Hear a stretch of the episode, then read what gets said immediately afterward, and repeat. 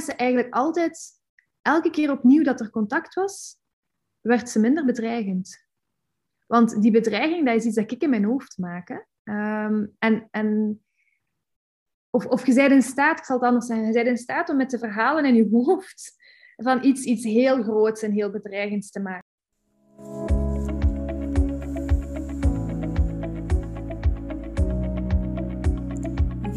Bij een nieuwe aflevering van de Zelfbewuste Single Mom podcast.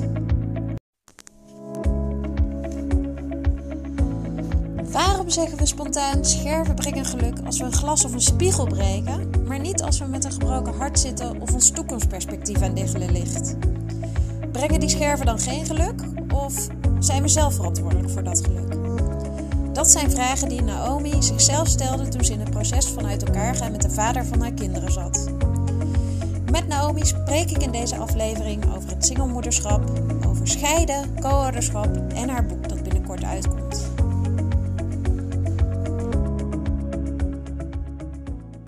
Welkom uh, Naomi. Dank je. Echt onwijs leuk om jou hier in de uitzending te hebben. Klinkt heel professioneel, de uitzending. Ja, inderdaad. Ja, nee, ik, ik heb er wel een tijdje naar uitgekeken, moet ik, uh, moet ik zeggen. We hebben al best wel wat contact gehad tussendoor. En ik vind het altijd heel erg leuk om met jou uh, te spreken. Idem dito. Uh, ja. Jij bent schrijfster van het boek um, Over Scherven en Geluk. En dat gaat binnenkort uitkomen, toch? Ja, in januari. Januari 2022. Kijk, meteen de eerste dag of uh, dat is nog niet helemaal helder? Uh, nee, waarschijnlijk eerder naar het einde van de maand toe, want uh, de papierindustrie loopt nogal vertraging op. Dus okay. het papier moet nog afkomen. ja, door corona loopt het ja, ja, ja, het is vijf weken in plaats van de verwachte één week. Dus ja, kijk. Ja. Ik weet al hoe het mag zijn. Ja, ja. spannend. Ja, toch wel, toch wel. Het is, het is al even dat ik het zo naar buiten wil brengen, dat ik het gevoel van oké, okay, het, is, het is klaar om gedeeld te worden. En toch gebeurt er nog van alles tussenin. Maar goed, dat is een beetje hoe dat het leven loopt. En uh, ja. het is een goede oefening in loslaten alweer. Ja, precies. Ja. Want uh, jij vertelt hierin, in jouw boek vertel jij jouw persoonlijke verhaal, hè? Mm -hmm. En welk, waarom heb jij besloten om een, um, een boek te schrijven hierover? Want waar gaat het over? Het vertelt eigenlijk het verhaal van onze relatiecrisis een vijftal jaar geleden. Um, en hoe wij daar, of hoe ik daar um, doorheen ben genavigeerd. Um, wat dat allemaal teweeg heeft gebracht, ook van binnen, in mijn binnenwereld. Dus het is ook heel erg een verhaal over mijn persoonlijke beleving. Uh, de pijn en het verdriet en alles wat dat daarmee gepaard is gegaan. Um, maar dan ook de evolutie naar, oké, hoe geven wij vandaag de dag ook ons ouderschap vorm? Hoe zorgen wij samen voor onze kinderen? Uh, wat komt daar praktisch allemaal bij kijken? Maar vooral ook, hoe is dat praktische een gevolg van alles wat dat ook emotioneel doorwerkt is? En, en het is eigenlijk een beetje alsof dat je huis instort en dat je een nieuw fundament moet bouwen. En wij hebben eigenlijk wel precies een stevig fundament gebouwd. Om vandaag um, toch misschien wel op een heel vergaande manier samen voor onze kinderen te zorgen. Uh, aangezien dat we samen terug onder hetzelfde dak wonen, in hetzelfde gebouw. Um, ja. ja, wat mooi. En daar, gaat daar gaat het boek eigenlijk uh, helemaal over, ja. Want kan jij, um, ja, misschien leuk om bij het begin te beginnen. Um, hoe zag jouw relatie eruit voordat er een relatiecrisis ontstond? Want jij zat in een relatie met Steve, heet hij, hè? Ja, Steve ja. uitgesproken, maar Steve geschreven. Oh, okay. Dat zal voor heel veel mensen wel wat verwarring uh, brengen, maar goed, met Steven. Um, wij hadden eigenlijk een heel goed partnerschap. Ik denk dat wij onszelf ook een beetje zagen als een heel goed koppel. En er zijn ook best wel wat vrienden en familie enorm verschoten. Zo van, amai, als zij uiteen gaan. Zo, ik denk dat dat voor heel veel mensen wel confronterend was. Um, omdat het ook, ook voor ons redelijk onverwacht kwam. Daar was eigenlijk totaal geen sprake van. Um, we hadden natuurlijk onze uitdagingen. Hè? We hadden twee jonge kinderen, die waren toen drie en vijf jaar. Dus ja, wij kwamen ook uit een periode van veel minder slapen, um, veel minder sociaal leven, heel veel werken, ook wel wat financiële uitdagingen. dus professioneel onze weg was zoeken. Dus al die dingen waren er zeker wel. En die hadden zeker ook een impact op bijvoorbeeld mijn vrouw zijn, mijn partner zijn en denk van hem uit dan ook. Ehm, maar wij hadden ook ontzettend veel dromen. Wij reisden heel graag samen. Ehm, wij waren daar ook echt aan aan het bouwen. Ehm, heel wat gelijkenissen qua smaak en toekomstperspectief. Dus eigenlijk hadden wij, ik ga zeker niet zeggen het perfecte plaatje, maar een, maar een, een stevige relatie en een mooie relatie. Ik kijk ook echt terug op, uh, op, op een mooie relatie. Ik ben dat altijd blijven doen en daar ben ik heel dankbaar om. Ja. ja, en je was ook gewoon gelukkig en hij ook in die relatie. Voor... In de relatie waren we gelukkig, ja. Ehm, ik zeg het, hè, we hadden ons uitdagingen. Ik had een jaar daarvoor een burn-out gehad, een aantal maanden thuis gezeten en zo. Dus dan zeiden niet in uw meest, um, ja, hoe moet ik het zeggen, relationeel sterke periode. Uh, maar ik heb daar wel ontzettend veel, uh, ik ben daar ontzettend door gegroeid. En dus het moment dat onze relatiecrisis begon, was eigenlijk een punt dat ik het gevoel had van, ha, er is weer ademruimte voor mij. Ik ben er weer. Ik weet weer wie ik ben, waar ik voor sta, waar ik voor wil gaan. Die vrouwelijkheid kwam ook zo terug naar boven. En dan, gebam. Oh, dus ja. dat, was, uh, dat was wel heel pittig, ja. Kan ik me ook wel voorstellen, na zo'n periode, ja, de jongste is dan drie, dan ben je inderdaad echt uit die babyperiode. Een burn-out brengt vaak ook nogal teweeg. Dus dan ben je daar allemaal uit. En dan denk je van, ja, nou, nu, nu kunnen we weer. exact, ja. ja. en dan, uh, dan uh, gaat het uh, mis. Wat gebeurde er dat het misging? Um, ja, eigenlijk een beetje onverwacht. Um, Steven reisde ook veel voor zijn werk. samen met een coachpartner gaf hij ook trainingen en, en coachretretes. Um, en hij is eigenlijk teruggekomen van Canada, waar dat hij met haar een ongelooflijk diepe connectie heeft gevoeld. Zo'n diepe connectie die hem eigenlijk echt wel uit lood heeft geslaan en dat hij nog nooit met iemand had gevoeld. Um, en dus hij is daarmee thuisgekomen en ik voelde wel van er is precies iets, uh, maar ik kon niet goed plaatsen wat.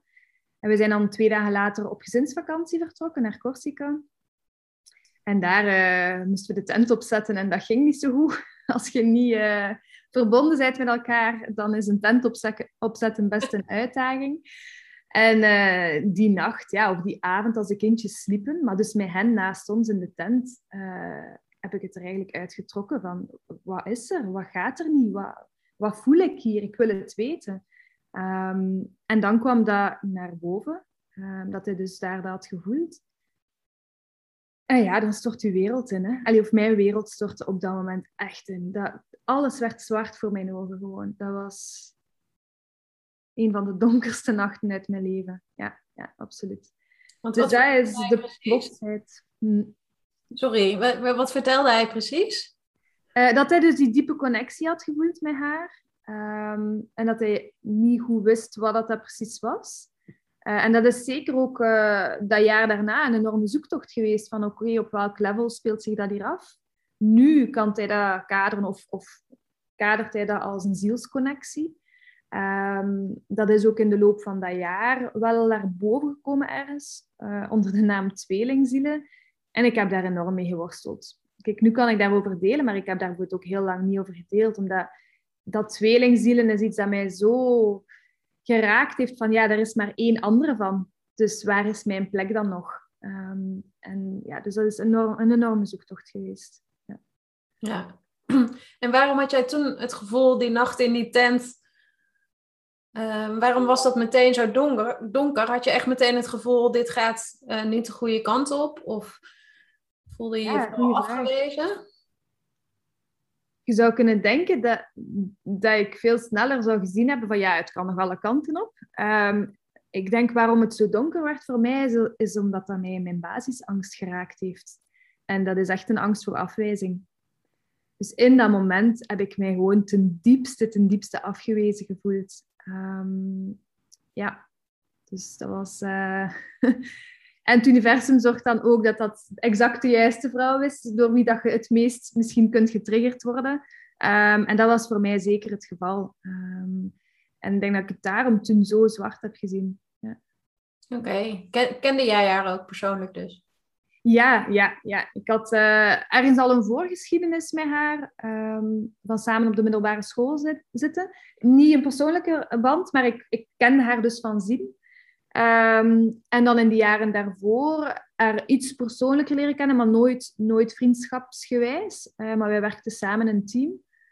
En um, ja, ik, ik, denk dat zij mij gewoon altijd wel al ergens triggerde in het thema vrouwelijkheid, bijvoorbeeld. Vrouwelijkheid en zeker speelsheid. Ook op het moment dat ik die speelsheid een beetje ja, verloren was geraakt. Um, en wat dat toch wel een heel belangrijk element ook was in onze relatie en in, in de reden van Steven, waarom dat hij verliefd was geworden in de tijd op mij. Dus ik, ik denk, er zaten daar al een paar triggertjes in en dus dat bleek dan met haar te zijn. Ja, er had geen betere persoon kunnen zijn om mij daarin uh, enorm ondersteboven te halen. Ja, en toen, eh, toen uh, werden jullie weer wakker of je had helemaal niet geslapen die nacht en je was met de kinderen op vakantie. Hoe zijn jullie, hoe zijn jullie die vakantie doorgekomen? Um, eigenlijk is dat gek. Ik heb niet veel foto's van die reis, maar de foto's die ik zie zijn wel van een enorme puurheid. Er is wel een enorme schoonheid, zelfs in de gezinsfoto's. Um, maar eigenlijk zijn wij die zeer kwetsbaar en zeer rauw doorgegaan, die drie weken. En was het zelfs bijna een beetje symbolisch dat wij op een eiland zaten en dat onze ja, boot pas drie weken later geboekt was. Dus we zaten eigenlijk letterlijk zo op een eiland om gewoon niet van elkaar weg te kunnen lopen. Um, en dus dat is vol een bak in, alle kwetsbaarheid verlopen. Um, we hebben heel mooie momenten gehad als gezin. Um, maar ook echt, echt heel veel gesprekken en, en heel veel tranen ook al. Ik had ook een boek mee toen van Brené Brown, um, De kracht van kwetsbaarheid. En dat heeft mij daar echt, uh, dat is echt mijn coach daar ter plekke geweest, om in die kwetsbaarheid te durven gaan staan. Ja, ja mooi. Ja. ja. Want wat, wat triggerde jou in dat boek wat je ook meteen daar kon gebruiken dan? Ik wilde altijd sterk zijn, hè, Stefanie. en ik, ik had ook een bepaalde sterkte om mij heen gebouwd. En die nacht, wat dat er, ik heb daar ook een tekening van gemaakt. Wat dat er die nacht gebeurd is, is eigenlijk echt alsof dat, die, die, die schil, dat schild rond mij doorboord geweest is. En, en dat ik dus in één keer zo bijna in mijn blootje kwam te staan, zo zonder die bescherming. En dat boek heeft mij ondersteund in erkennen dat, dat wij als mens, dat wij die puurheid zijn en dat wij een zekere kwetsbaarheid hebben en dat we dat ook mogen omarmen. Ja. Um, ja, dus dat is echt voor mij daar het begin van dat pad geweest. Dat je je bloot mag stellen, letterlijk. Ja, ja, ja, en mij ook zo mag voelen. Ja. Ja.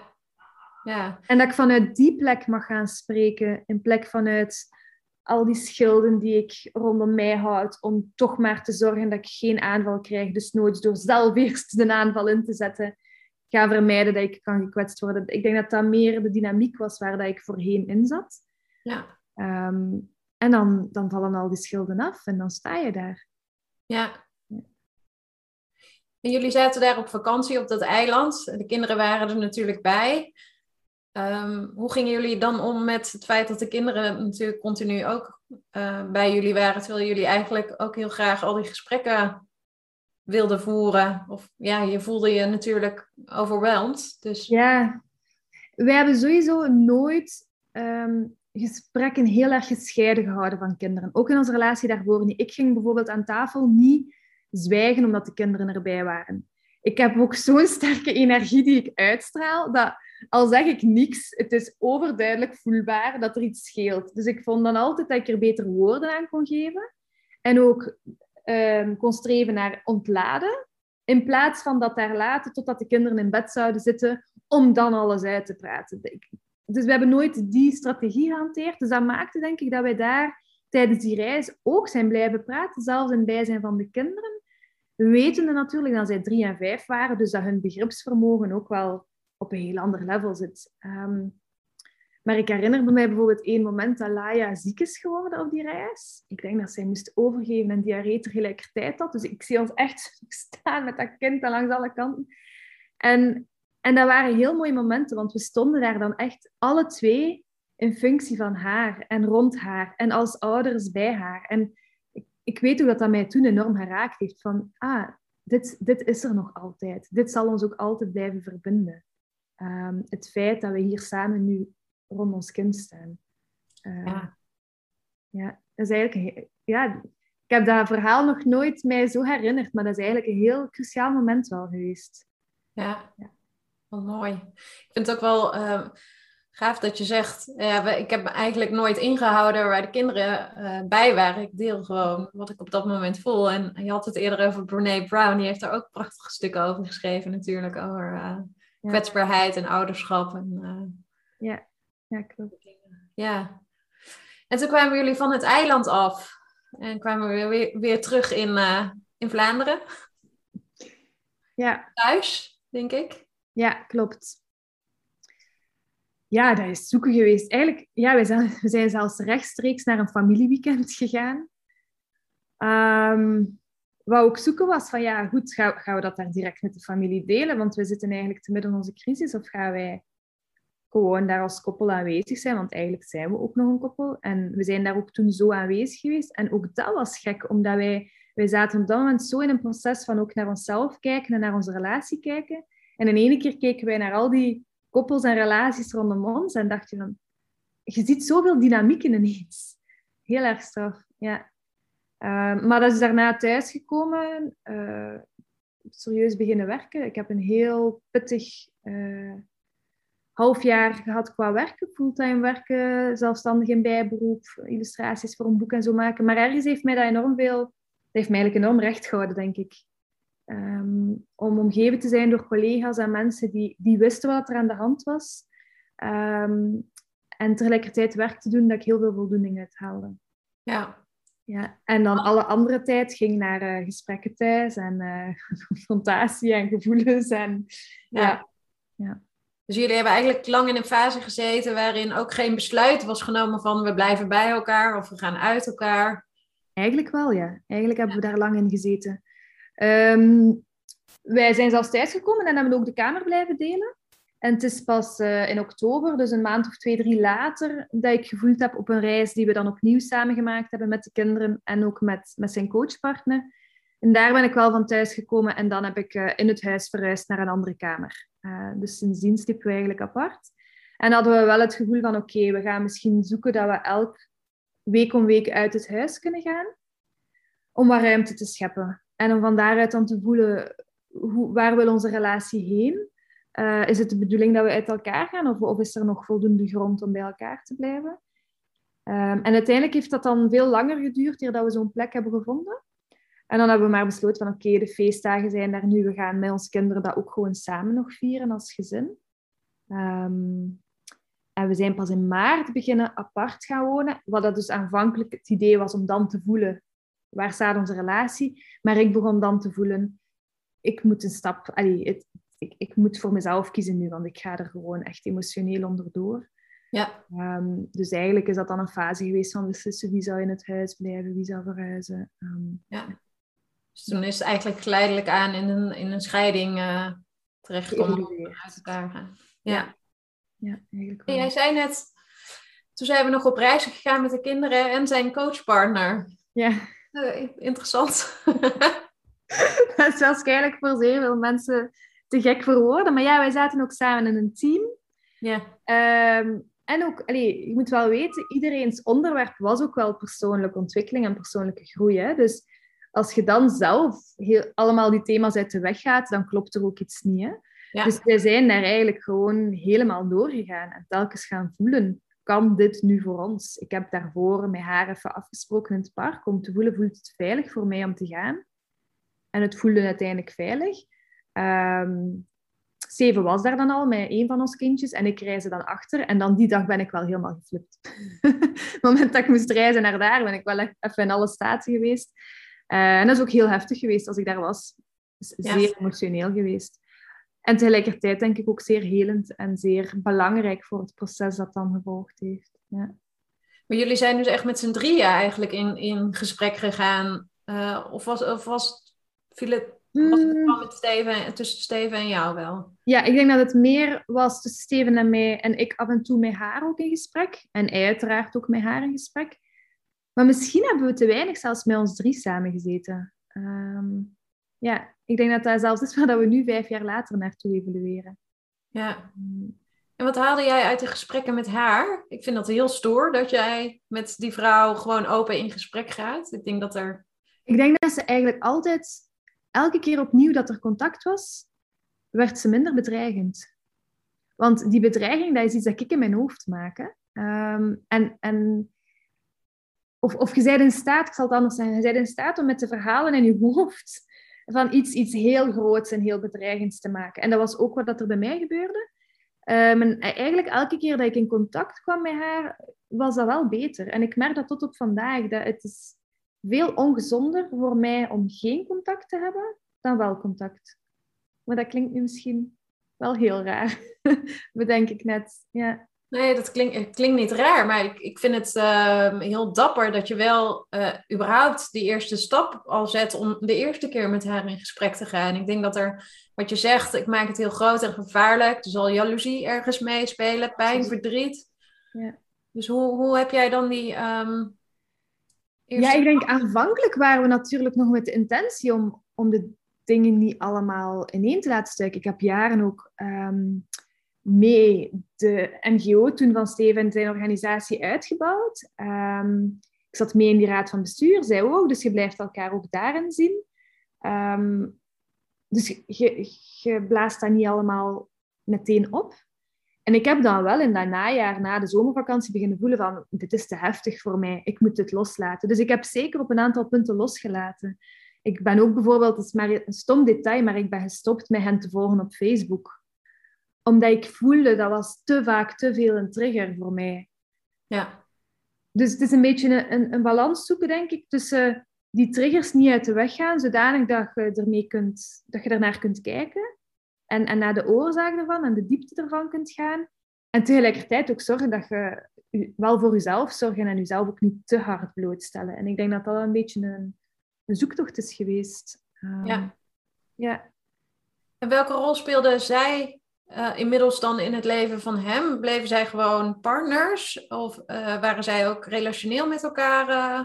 Nee, ze hebben eigenlijk nooit een relatie gehad. Dus ik, ik denk wel dat ik gezegend ben met het feit dat ik nooit bedrogen geweest ben. Dus dat level van vertrouwen is, is niet moeten in vraag gesteld worden. En dat hij een pijn is waar dat heel veel mensen wel door te gaan hebben.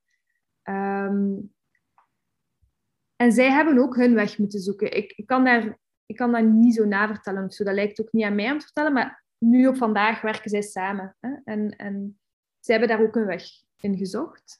Um, maar het is niet dat iemand van ons op een moment heeft gekozen van uh, we gaan elkaar gewoon niet meer zien en niet meer horen.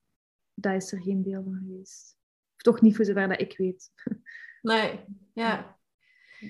En toen um, ja, zijn jullie dus uh, in andere appartementen gaan wonen, wel vlak bij elkaar, toch? Op een vier kilometer van elkaar. Ja, oké. Dus- en uh, toen geleidelijk aan beseften jullie van ja, dit gaat het gewoon worden. We gaan uit elkaar? Of? Ah ja, eigenlijk zijn we eerst um, hebben we het huis blijven delen en onze kinderen bleven fulltime in het huis. En ik ben dan eigenlijk bij vrienden mogen gaan wonen telkens een week. En dan weer in huis. En Steven ging ook altijd dan een week, uh, week om week weg. En dat heeft uiteindelijk zes maanden geduurd. Totdat ik deze plek hier heb gevonden, um, de loft. Um, en dan ben ik verhuisd. En dat was eigenlijk een jaar nadat de crisis was begonnen. Ja. En dan nog eens tweeënhalf jaar later, ja, vorig jaar, net voor de eerste lockdowns hier, is uh, Steven naar uh, een loft een verdiep hoger verhuisd. Oké, okay, dus jullie wonen echt uh, in hetzelfde gebouw. Ja, ja, ja, dus de kinderen lopen wel vaak eens in hun onderbroek door de gang. Ik denk dat de medebewoners daar wel hun charme van, uh, de charme van inzien. Ja, wat leuk. Ja. En hoe vinden de kinderen dat, dat jullie zo dicht bij elkaar wonen? Eigenlijk zijn die tot rust gekomen. Eigenlijk kan ik wel zeggen, als ik daarop terugkijk, dat, dat zij daar een stuk pijn van gedragen hebben. Van het feit dat wij uit elkaar gaan wonen zijn. Um, dat er ook een gemis is geweest, want wij deden dan daarna ook week om week. Dat was heel vaak aanwezig, van ik mis papa en hoeveel dagen is het nog en omgekeerd ook. Um, en het is op het moment dat, dat wij hier in hetzelfde gebouw zijn komen wonen, is er voor die kinderen echt een rust gekomen. Ja. Dus dat wordt niet meer gezegd van ik mis die of ik zie die te weinig, want ze hebben heel veel mogelijkheden om gewoon binnen te lopen bij ons. Ehm, en we zijn dan ook ja, door de lockdown even overgeschakeld op om de twee dagen wisselen, omdat de kinderen fulltime thuis waren hier in België. Ehm, en daar hebben we dan een stukje aangehouden door nu half week, half week te doen. Ja. En dat werkt heel goed. En we zullen dat doen zolang dat, dat goed werkt. En daarna zullen we dat weer aanpassen. Dus we hebben al veel systemen gedaan en elke keer gewoon aangepast aan de situatie. Ja, dus jullie hebben dat ook niet officieel vastgelegd. Jullie bespreken het gewoon samen wat er op dat moment werkt? Of, uh... Ja, je weet je dat ik daar zelfs nooit bij stilgestaan heb. Dat dat nu pas met het schrijven van het boek is, dat ik door heb van... Ah ja, wij hebben inderdaad nooit iets officieel vastgelegd. Maar dat is zelfs niet in ons opgekomen. Nee, dan is het blijkbaar niet nodig. Nee. en, en ik heb mij ook al afgevraagd van hoe, hoe moet je dat dan doen en hoeveel druk komt er ook niet op te liggen als je iets moet vastleggen en in het idee dat dat voor altijd is of voor de komende 15 jaar. Ehm, dat lijkt mij best wel een stuk stress te creëren, misschien, omdat je inderdaad niet weet hoe dat de toekomst gaat lopen. En ja, dus dat hebben wij niet, niet gehad.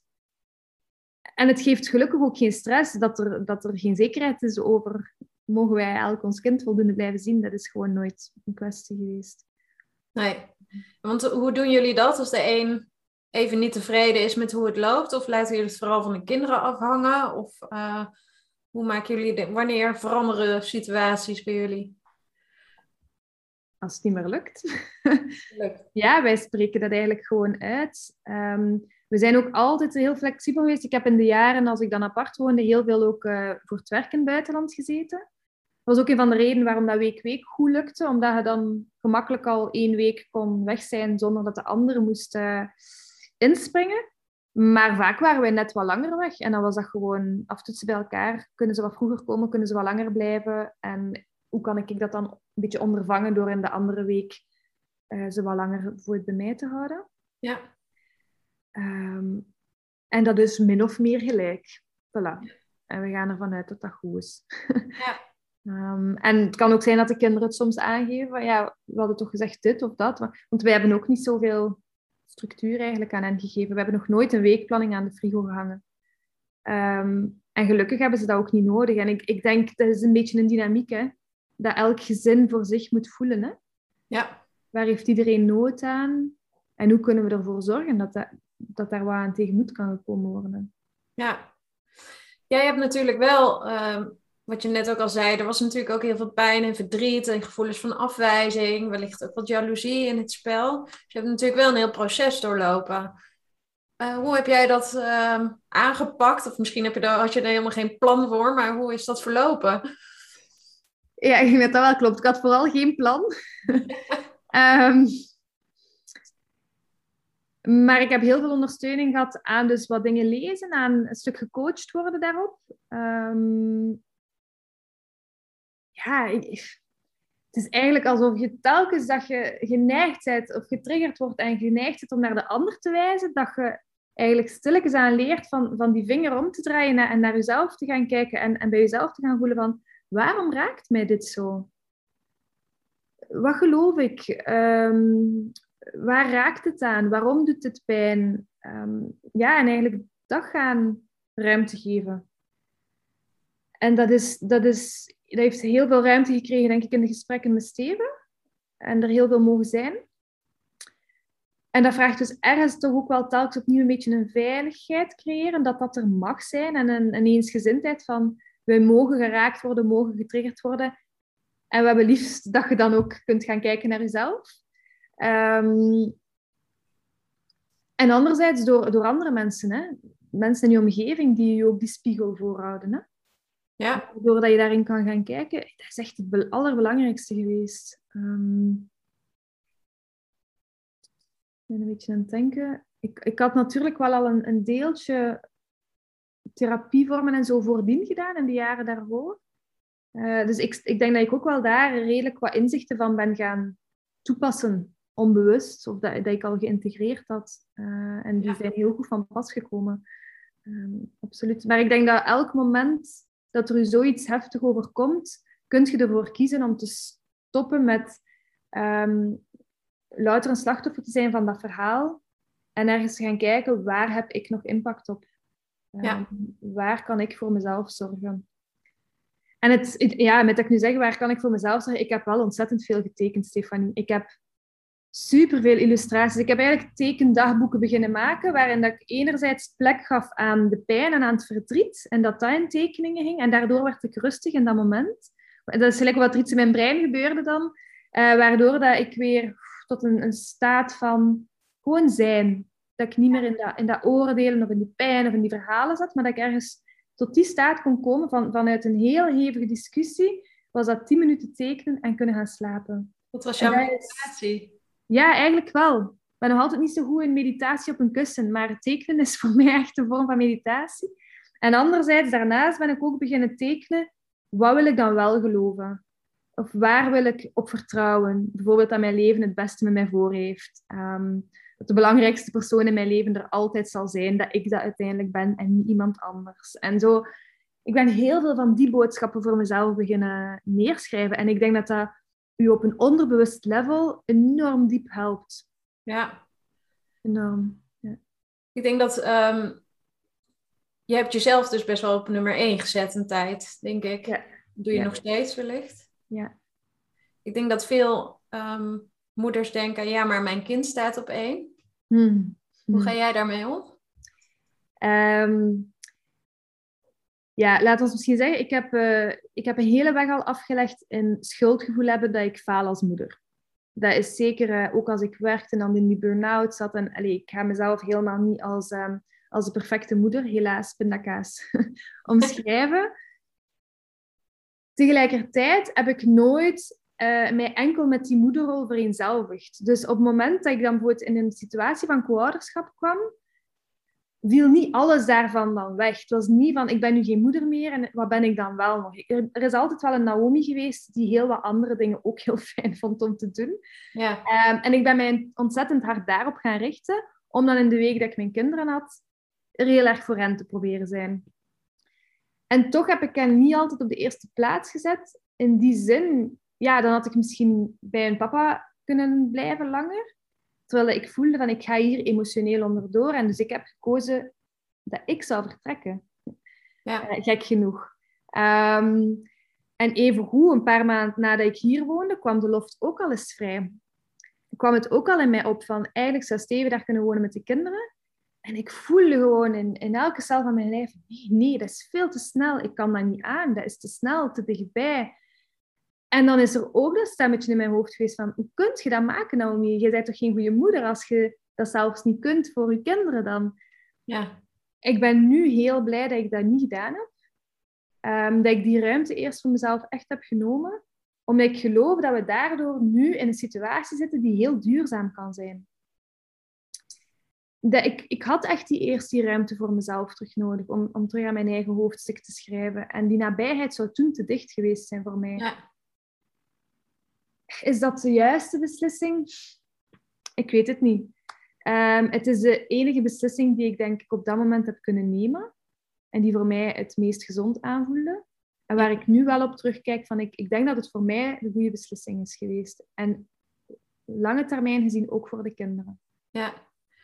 Dus schrijf eerst je eigen hoofdstukken. Vind ik mooi, mooi gezegd. Ja, ja, dat is het wel een beetje. Hè? Ja, en jij tekende ze vooral dus. Ja, en nu ook een beetje geschreven. Ja. ja. Ja. En eh, hoe gaat het ehm, nu? Want nu zijn jullie vijf jaar verder. Ja. Eh, de kinderen zijn niet anders 18. gewend meer, denk ik. Hoe gaat het met, tussen jullie en hoe gaat het met de kinderen? eigenlijk super vlot. Eh, wat niet wil zeggen dat ik niet in discussies soms ga met Steven. Hè? En dat kan iets zijn dat met de kinderen te maken heeft. Dat kan zijn dat ik meer ruimte voor mij als persoon nodig heb. En denk van, je kunt er niet zomaar altijd binnenlopen. Laat mij nu keer even gerust. Of, allee, al die dingen komen ook nog altijd. Ehm, of, of zijn er soms terug. Maar eigenlijk, door de band is dat gewoon super ondersteunend die nabijheid heeft ook ontzettend veel voordelen. Ja, Je kunt heel snel schakelen, je kunt heel snel ehm, hulp inroepen. En er wordt ook gewoon heel spontaan veel hulp geboden. Hoeveel keer dat ik in drukke werkperiodes geen potten soep gekregen heb en dat dat mijn belangrijkste maaltijden waren, heb ik allemaal van de papa van mijn kinderen gekregen. Hè? Ja. Ehm, Dus, dus je bent nog alleenstaand, maar heel wat nadelen van het soms alleenstaand zijn. Van dus effectief denken, ah nee, ik moest nog iets hebben van de winkel en dat gaat nu niet, want ik, mijn kinderen liggen al in bed bijvoorbeeld, of, of dit of dat, worden ineens weer, weer gedeeld. En heb je weer iemand dat je als nodig is beroep op kan doen. En dat is elke dag opnieuw wel wat kijken van hoe ver ga je daarin. Hè? Ja. In die hulp vragen of in... in mm, ja, maar dat loopt eigenlijk heel ontspannen. Ja, jullie zijn ook weer gelukkig allemaal in een nieuwe situatie. Ehm, ik denk dat wel. Ik denk dat, ik denk dat de vraag wel blijft soms hoor. Van, had het anders gekund? Ehm, ja. Maar ik, ik heb het gevoel zowel Steven als ik eigenlijk wel ook betere ouders zijn geworden en ook veel meer in onze eigen kracht en in onze eigen waarheid zijn gaan staan. Dus wij zijn echt ook wel enorm geëvolueerd in relatie ten opzichte van elkaar en in communicatie ten opzichte van elkaar buiten vijf jaar geleden. Immens. Ja? Immens, ja. ja. Als ik, ik heb onlangs is nog in Messenger, ik weet niet, we hebben heel weinig via Messenger ge, gecommuniceerd. Maar ik kwam eens op een aantal berichten terug en ik dacht, oeh, maar ik was jong. ja, zo in, in dingen verwachten van hem en patronen die erin zaten. En die patronen, daar zijn, die zijn eigenlijk wel heel, voor een heel groot stuk doorbroken geweest. Dat heeft ons allebei heel goed gedaan. Van het niet meer evident te vinden dat de ander er is om bepaalde van uw behoeftes aan erkenning en hulp en waardering in te vullen. Maar daar zelf verantwoordelijk voor te worden. Um, dat heeft ons heel goed gedaan. Ja. En nu, door die nabijheid, zouden daar soms weer een beetje in slijpen. Voel ik soms zo van, ik zou weer wat afhankelijker worden van, ah ja, er is altijd een plan B boven. En dan is dat toch zo weer van, daar heel snel van bewust worden van, ga, oké, nee, wacht, ik wil dat dat, weer, ik wil dat, dat gezond blijft. Ja. Um, en wij ontkomen niet aan patronen, hè, maar Ja. ze zijn toch geëvolueerd. Ja. ja, dus eigenlijk werkt het ook vooral omdat je niet samen bent. Ja, misschien wel. Misschien wel, ja, want ik heb ook wel een aantal... Ik heb ook wel een hele periode zoiets gehad van... Het zou op dit moment ook wel niet werken, hoor. Tussen ons samen. Um, het, het werkt inderdaad goed, omdat we elk onze eigen ruimte hebben. En elk ons eigen ding doen. Ja. Um, en ik, ik weet ook niet, als ik terug in een relatie fulltime met iemand zou belanden, wat dat er dan weer allemaal naar boven gaat komen. Um, ik heb enkel maar een latrelatie gehad voor twee jaar. Ja. En dan blijf je ook die, die eigenheid behouden. Ja. Dat is best wel een voordeel. Dat was eigenlijk ook mijn, uh, mijn laatste vraag. Van sta, sta je weer open voor de liefde of voor een nieuwe relatie? En in welke vorm dan? Ja, goede vraag. Absoluut. Ik, ik moet wel zeggen, ik heb heel lang de deur... In dat jaar van relatiecrisis is voor mij de deur heel erg blijven openstaan naar Steven. Elke dag. Ik heb ook heel erg gehoopt dat het weer goed zou komen. En het is eigenlijk maar de dag voordat ik ging verhuizen en dat we nog een nacht samen in hetzelfde huis waren, dat ik dacht, durf het mij nu niet vragen om hier te blijven. Dat was voor mij zo een heel belangrijk keerpunt. Daarna heb ik ook altijd gezegd, zeg nooit nooit, maar ik ben wel echt begonnen met, oké, ik wil wel een nieuwe relatie. Ik heb eigenlijk niet gewild om alleen te zijn. Um, ja, en dan een paar dingen gepasseerd, uh, heel, heel boeiende ontmoetingen mogen hebben. Om, uh, om een jaar later eigenlijk, op het moment dat ik dacht, kom, ik heb het even gehad met mannen, uh, laat maar zo. Um, om dan in, in Bulgarije op reis verliefd te worden op iemand en daar uh, een lange afstandsrelatie mee te beginnen. Dat was echt het laatste dat ik ging doen. Ik ging ook zeker geen relatie in een andere taal beginnen, want het is heel belangrijk voor mij om mij te kunnen uitdrukken. Wel ja, al die dingen die ik niet ging doen, heb ik dan toch gedaan. Um, en we hebben eigenlijk twee jaar een heel mooie relatie gehad. Ook een heel pittige relatie. Um, en ik heb daardoor wel ontdekt dat misschien zo'n latrelatie voor mij wel een heel werkzame vorm is. Ook als iemand nu hier in, in, Vlaanderen zou wonen, dat ik daar misschien ook wel bewust voor zou kiezen. En dat had ik niet gedacht. Um, dus ik sta open voor wat er nog allemaal op mijn pad gaat komen. Ik weet het niet welke vorm het zal krijgen, maar het zal de vorm krijgen die klopt voor iedereen die betrokken is. Ja. Ik denk dat dat een beetje de, de rode draad ook is doorheen mijn boek. Ik, ik heb zo afgezien en het gevoel gehad, alles gaat kapot, omdat ik, omdat ik zo vasthield aan die vorm van onze relatie. Terwijl het moment dat ik dat heb kunnen accepteren van, ja, de huidige vorm is, is er niet meer en, en, en, en is aan het veranderen, ehm, is er heel veel opnieuw mogelijk geworden. Het is echt letterlijk uw relatie transformeren, veranderen van vorm. Maar de relatie zal blijven bestaan tussen Steven en ik altijd. Zal er een vorm van relatie zijn. Ja. Mm, ja. Nou, ja, je zet mij ook weer helemaal aan het denken. Ik vind het heel inspirerend. Ja. Hoe, hoe wil jij ehm, vrouwen of ehm, mannen, gewoon ouders, die wellicht gaan scheiden, inspireren met jouw boek? Ik hoop heel erg dat ze in mijn verhaal een stuk herkenning kunnen vinden. Um, erkenning voor hoe dat het op dit moment er echt kan uitzien als een doemscenario, als het ergste dat, zich kan, ja, dat hen kan overkomen. En ik wil hen tegelijk ergens zo dat lichtpuntje aan het einde van die tunnel zijn. Heel eerlijk delen van, er is een ander verhaal mogelijk.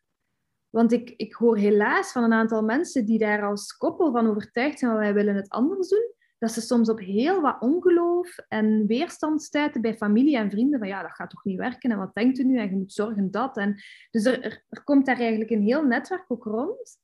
Um, en ik wil mensen echt ondersteunen door hen een heel diepe inkijk te geven. Zowel in het emotioneel als het praktisch en zo. Van hoe gaat het er hier bij ons binnenskamers aan toe? En hoe is dat overheen de jaren geëvolueerd? Dat er effectief een ander verhaal mogelijk is en dat jij dat zelf mocht schrijven. Um, en dan komen we opnieuw bij dat je mocht echt zelf je verhaal schrijven. En, en daarbij ga ik zeker niet gaan ontkennen dat er veel pijn is en dat je daar ook door hebt te gaan. Um, vandaar ook, ja, het is scherven. Hè. Er, er, is wel iets dat, dat gebroken is. Maar waar kan ook overal het geluk, waar kunt je overal het geluk in vinden? En, en dat wil ik eigenlijk heel veel meegeven aan mensen die daar uh, zelf doorgaan. Ja. Of gaan zijn en nog verder een weg in zoeken. Want het is, is een never-ending story. Hè? Het, is, het is geen, ook ons verhaal heeft hier geen eindpunt. Hè? Um, blijft evolueren. Ja. ja. Nou, dat is een mooie afsluiting. Waar, waar kunnen we het boek uh, dadelijk gaan uh, kopen? Wel, het staat eigenlijk al allemaal klaar in voorverkoop. Ik heb er nog geen tamtam -tam rond gemaakt, um, maar op mijn website naomigeens.be vind je eigenlijk een link naar de webshop en ook meer info over het boek. Um, ja, waar ik een aantal stukjes deel. En um, voilà, ook via deze weg hoop ik mensen te kunnen raken en inspireren. Want uiteindelijk gaat het er gewoon over dat we, dat we hier meer het gesprek over kunnen openen. Ja, ja, ja absoluut. Dankjewel voor dit mooie gesprek. Heel, heel graag gedaan, Stefanie. En echt, ik ben zo blij met het werk dat jij ook doet en, en vanuit welke visie dat je dat doet. Dus het is echt, het is echt een cadeau. ik weet niet wat dan nog gepast is om dat hier te delen, maar ik vind de community die jij hebt opgestart, dus ik heb heel weinig met Facebookgroepen. En dat is een van de weinige groepen dat ik denk, ja, zalig. Ja. Um, en dat ik dus echt even af en toe naartoe ga en heel bewust lees en, en, en connecteer met de mensen die daar zitten. Um, ik denk dat het ongelooflijk ondersteunend kan zijn om zowel te mogen delen, daar gaat het mij niet, en ook te mogen delen, hey, dit doen wij en dit zie ik als een succes voor ons. Ik wil dit ook even delen, zo die twee verhalen. Um, of, of dat hele spectrum aan verhalen. Het zijn geen twee ja. verhalen, het is vooral een heel spectrum aan verhalen. Ja. Um, ja. ja, dankjewel voor het mooie compliment. Bij deze afsluiten. Dankjewel. Heel graag gedaan, het was heel tof. ik heb echt weer nieuwe dingen verteld. Oh, ik kom eigenlijk best van al op verhaal als ik vragen gesteld krijg. Die niet in het boek voorkomen ook. Uh, ja, ja, echt. Oh, ja. leuk. Nou. Ja. Dus het is zeker de moeite om uh, ook nog het boek te lezen. Ik heb ja. niet alles verteld en het is zeker de moeite om dit te luisteren. Want, ja. nou, hey, tot, uh, tot snel. Ja, ça va. Ciao. Ciao.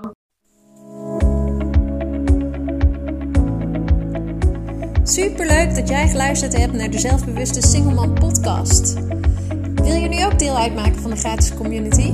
Ga dan even naar de tekst onder deze podcastaflevering en klik op het linkje van de community. Tot de volgende keer!